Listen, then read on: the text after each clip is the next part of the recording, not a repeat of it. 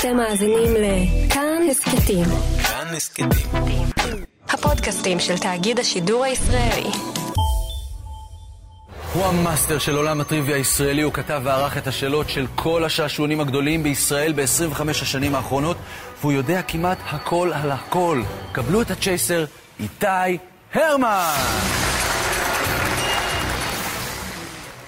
היי, כאן איתי הרמן. עד היום עניתי כבר על יותר מ-15 אלף שאלות בתור צ'ייסר בשעשועון המרדף. וכתבתי וערכתי יותר מ-60 אלף שאלות טריוויה בשעשועונים אחרים. בפרקים הקודמים של משחקי המוח ההסכת, ניסיתי לענות על השאלה הגדולה, איך לעזאזל אני יודע, לומד וזוכר כל כך הרבה דברים. הגיע הזמן לדבר גם על רגעים של שכחה. בפרק הזה אני רוצה לקחת אתכם לרגע כזה, שחור במיוחד. Blackout.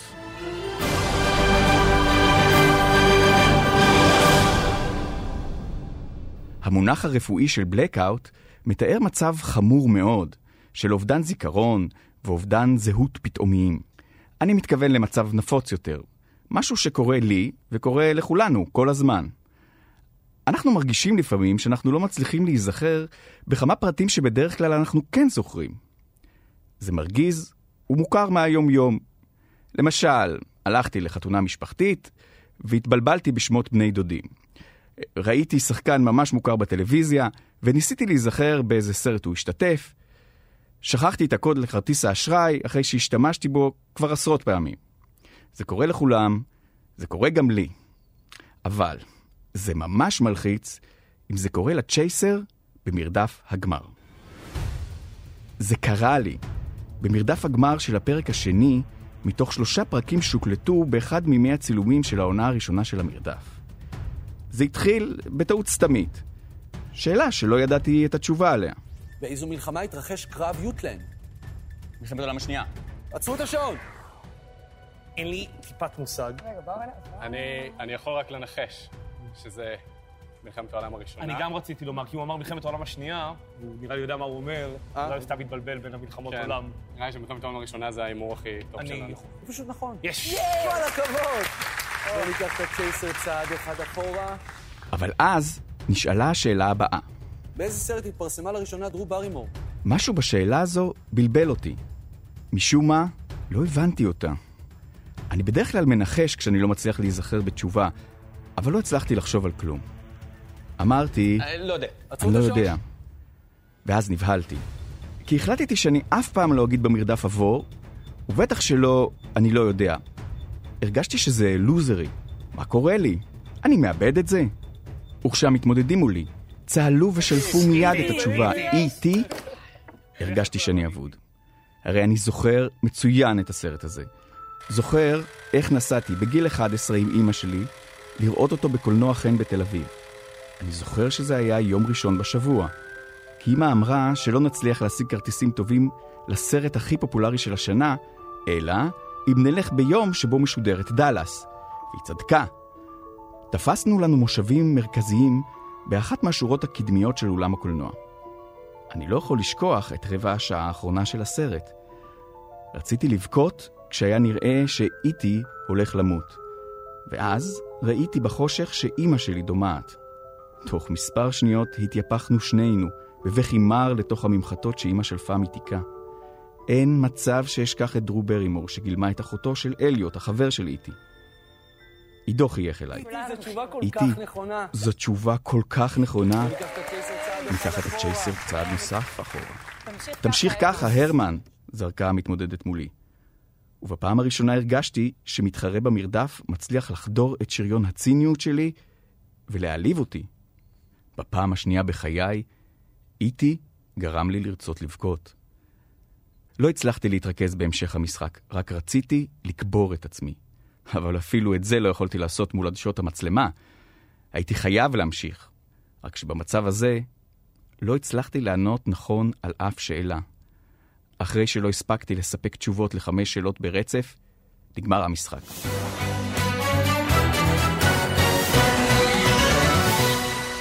המתחרים מולי צהלו, ואני רק רציתי לברוח מהאולפן.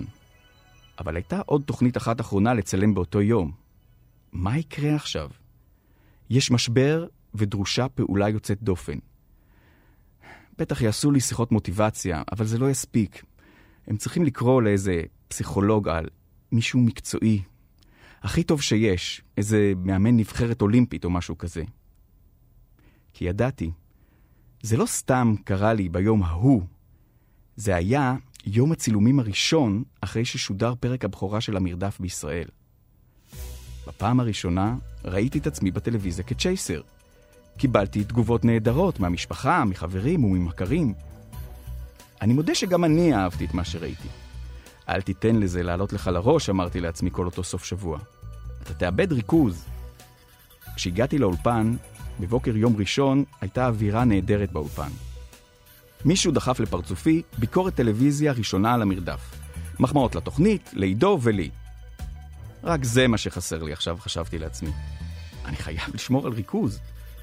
בפרק הראשון שצולם באותו יום, המתמודדים הציבו לי רף גבוה מאוד, 30 צעדים. הפסדתי, והאופוריה על הסט נמשכה. אבל אני חשבתי לעצמי, אולי המתמודדים השתפרו, מפני שסוף סוף הם ראו את הפורמט בטלוויזיה, וסוף סוף הבינו, כמוני, איך להתכונן אליו. אז כשהפסדתי בפעם השנייה ברצף, ובאופן כל כך מחפיר, הייתי בטוח שאנשי ההפקה ייכנסו ללחץ היסטרי. אולי הם אפילו יכריזו על השהיה של הצילומים, עד שיטפלו בי ואחזור לעצמי. במקום זה קרה משהו יוצא דופן ולא צפוי. איך שהסתיימה הקלטת התוכנית, התפרצו לאולפן אנשי הפקה מחדר הבקרה, צוהלים ומחויכים מאוזן לאוזן. זה היה נהדר, הם אמרו לי. אוקיי, חשבתי, או שהם אידיוטים, או שהם עובדים עליי, עושים הצגה בשבילי כדי שלא ילחץ, כדי שלא אשבר סופית. אבל הייתי שבור. לא נגעתי בארוחת הצהריים, הלכתי לחדר שלי לבד. עורכי התוכנית, עמית ואודי, הגיעו אליי לחדר, אחרי ארוחת הצהריים שלהם, לחגוג עם עידו ואיתי את ההצלחה הראשונית של התוכנית. חשבתי שאולי הם באמת לא מבינים מה עובר עליי, את עומק המשבר. לבסוף, הייתי חייב לשאול את עמית, מה, אתם לא מזמינים מישהו שיטפל בי? שירים אותי? שיציל את הכסף שכולם מפסידים בגללי? אוקיי, באמת צחקנו מספיק, השיב עמית. יאללה, כולם חזרה לאולפן, יש לנו עוד פרק לצלם היום. לא הייתה לי שום ברירה, אלא להמשיך בלוז המתוכנן. אולי עדיף ככה. הרי אומרים שהטיפול הכי טוב לנהגים בטראומה אחרי תאונה הוא לחזור כמה שיותר מהר להגה. אז אחזור לאולפן, ואנסה להתמודד שוב עם המצב. אין לי מה להפסיד, רק את ג'וב חלומותיי. ואם אתם רוצים לדעת איך הלך לי בסוף אותו יום צילום, חכו כמה דקות, עוד נחזור לזה. אני חיכיתי שלושה חודשים מהיום ההוא עד ששודר הפרק עם הבלקאוט שלי. ליתר דיוק, במשך שלושה חודשים קיוויתי שהפרק הזה לא ישודר. פחדתי לראות אותו. פחדתי לגלות מה גרם למשבר הנורא ההוא. פחדתי לראות את עצמי על המסך במצב כל כך קשה. איך נכנסתי למצב רוח כל כך זכרוח, והרשיתי לעצמי לאבד את הראש? צפיתי בפרק בבית עם אשתי. הכל הלך שם טוב, עד 15 השניות האחרונות של המשחק. שום דבר לא היה יכול לנבא את מה שקרה בסופו. אבל עד לבלקאוט לא היו שום סימני חוסר ריכוז, זכיחות או יהירות, טוב, לא במידה חורגת, שום דבר שיבשר על ההתרסקות. וקרה דבר נוסף, לכל מי שצופה בפרק, זה נראה עניין פעוט, אבל בשבילי זה היה חשוב. בסיבוב מוקדם יותר של המשחק, הופיעה השאלה הבאה: מי היא בתה של גולדי הון? התשובה היא, כמובן, קייט הדסון. הסברתי שם שקייט הדסון השתתפה בסרט כמעט מפורסמים, וזה הסרט שפרסם אותה. ואז הבנתי בדיוק מה קרה ברגע המכונן של הבלקאוט. המוח שלי יצא למסע בתוך ההקשרים שבתוכו, בדיוק כמו שהסברתי בפרקים הקודמים. מה שיכול לקרות לפעמים הוא שפרטי מידע שמקושרים אצלנו במוח באופן דומה, יכולים להסתיר את המידע הנכון. זה מה שקרה לי כשהסרט E.T. פרח מזיכרוני. כששאלו אותי על דרו ברימור, אני חשבתי על קייט הדסון. כנראה שהיא נמצאת במוח שלי באזור שקרוב לזה של דרו ברימור מבחינה אסוציאטיבית. תחשבו על זה, יש הרבה מן המשותף ביניהן. שתי בלונדיניות, בנות של שחקנים ידועים, וכששאלו אותי על הסרט הראשון של, התבלבלתי. חשבתי שמשהו לא בסדר בשאלה. כי רבע שעה קודם לכן דיברתי על הסרט הראשון של הדסון. לא היה שום דבר לא בסדר אצלי. רק שאני נכנסתי לסרט. לסרט הלא נכון. ואני לא מתכוון לאיטי, או כמעט מפורסמים, אלא לסרט שבו אני מספר לעצמי שאיבדתי את זה, שאני זכוח, שההצלחה עלתה לי לראש. נבהלתי ממה שקרה לי. איבדתי את האמון ביכולת של עצמי להצליח, וזה מה שהכשיל אותי. רק אחרי שצפיתי בפרק ההוא בטלוויזיה, נרגעתי. לא זכיחות, לא יהירות, לא אובדן ריכוז, זה היה סתם סרט שהכנסתי לעצמי לראש. הפחד מהכישלון הוא מה ששיתק אותי. שום דבר אחר מלבד פחד. הדבר היחיד שצריך לפחד ממנו הוא הפחד עצמו, אמר הנשיא רוזוולט, שהוציא את ארצות הברית מהשפל הכלכלי והוביל אותה לניצחון במלחמת העולם השנייה. באותה תקופה בדיוק התחלתי להרצות ברחבי הארץ על חיי ועל חוויותיי מהמרדף. חשבתי שזו תובנה ששווה לשתף בה את קהל השומעים שלי. לא לפחד, צאו מהסרט. אם אתם טובים במשהו, זה לא נורא אם טעיתם, נכשלתם. קומו, נערו את האבק והמשיכו הלאה. אתם עדיין טובים.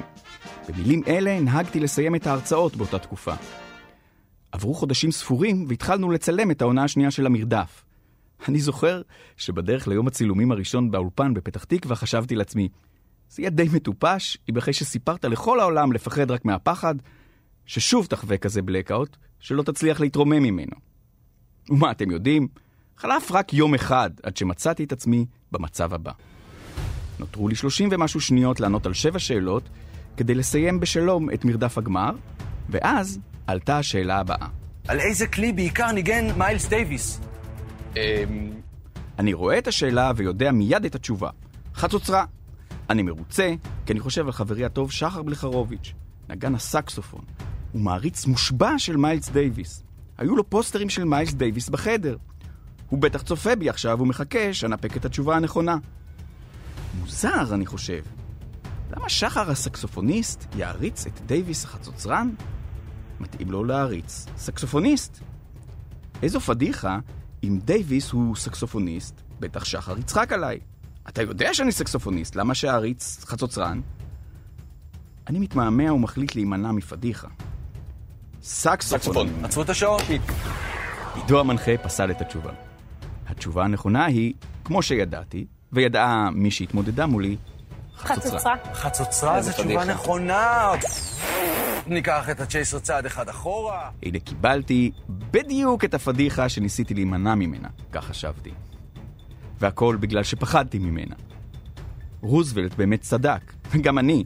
הרי אמרתי שצריך לפחד רק מהפחד. חבל שלא שמעתי בקולי.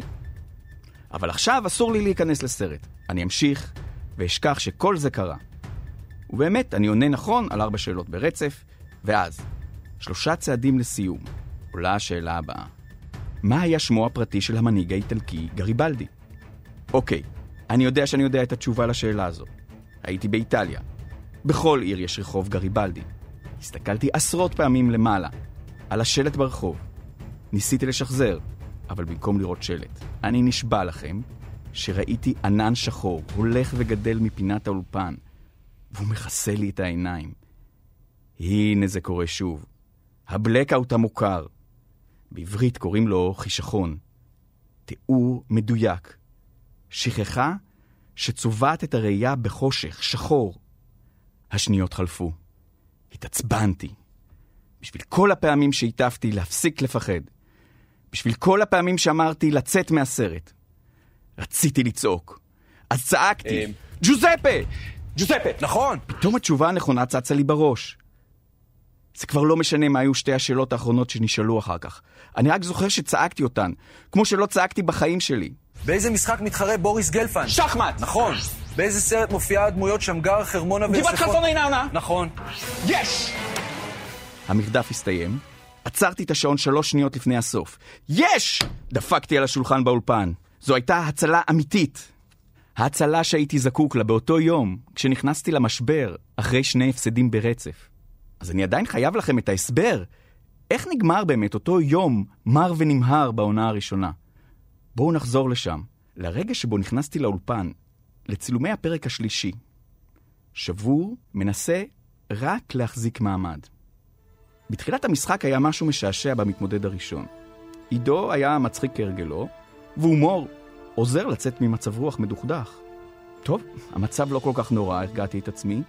יש עוד 45 דקות עד לגמר, אנסה ליהנות מהן בינתיים.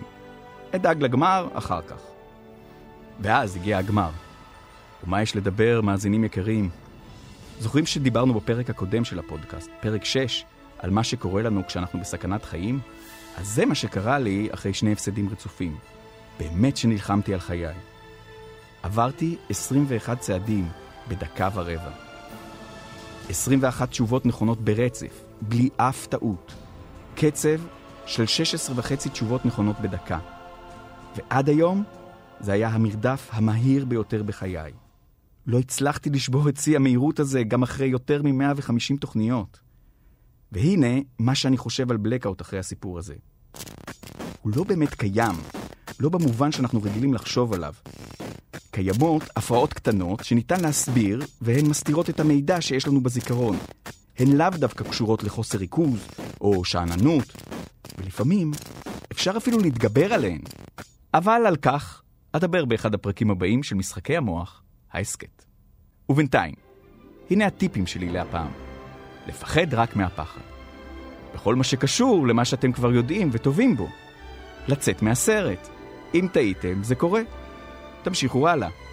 ומה הדבר שהכי חשוב לזכור? תזכרו שיש לכם כישרונות. כל אחד מכם הוא טוב מאוד, מצוין, לפחות בתחומים מסוימים. תזכרו את זה. ואל תספרו לעצמכם שאתם חווים נפילה רק בגלל טעות אחת, או אפילו רצף של טעויות. וקחו לכם תרגיל. תחשבו, במה אתם הכי חזקים? לא צריך להיות מושלמים, אף אחד לא מושלם. תגדירו לעצמכם את החוזקות שלכם וזכרו מה הן. ולהבא, אל תיתנו לשום כישלון או פחד לערער את הביטחון שלכם בחוזקות האלה.